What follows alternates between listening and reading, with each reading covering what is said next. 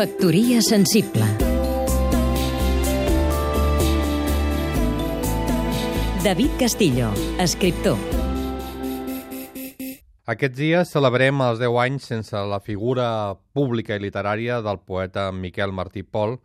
i amb aquest motiu s'ha celebrat a l'Institut d'Estudis Catalans de Barcelona, a la Universitat de Vic i al Roda de Ter, el poble natal del poeta, un col·loqui on s'ha recuperat el personatge.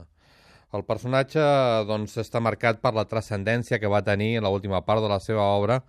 a partir d'Estimada Marta, finals dels anys 70, i també tota la repercussió amb els discos que va fer amb Lluís Llach.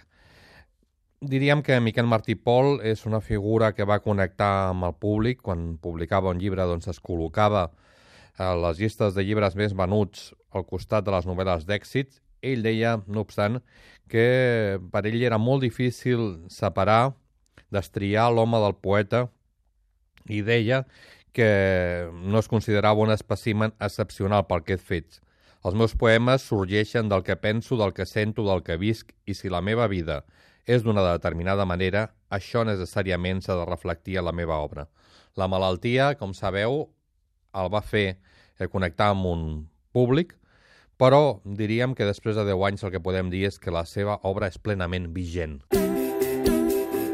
Factoria sensible Seguim-nos també a catradio.cat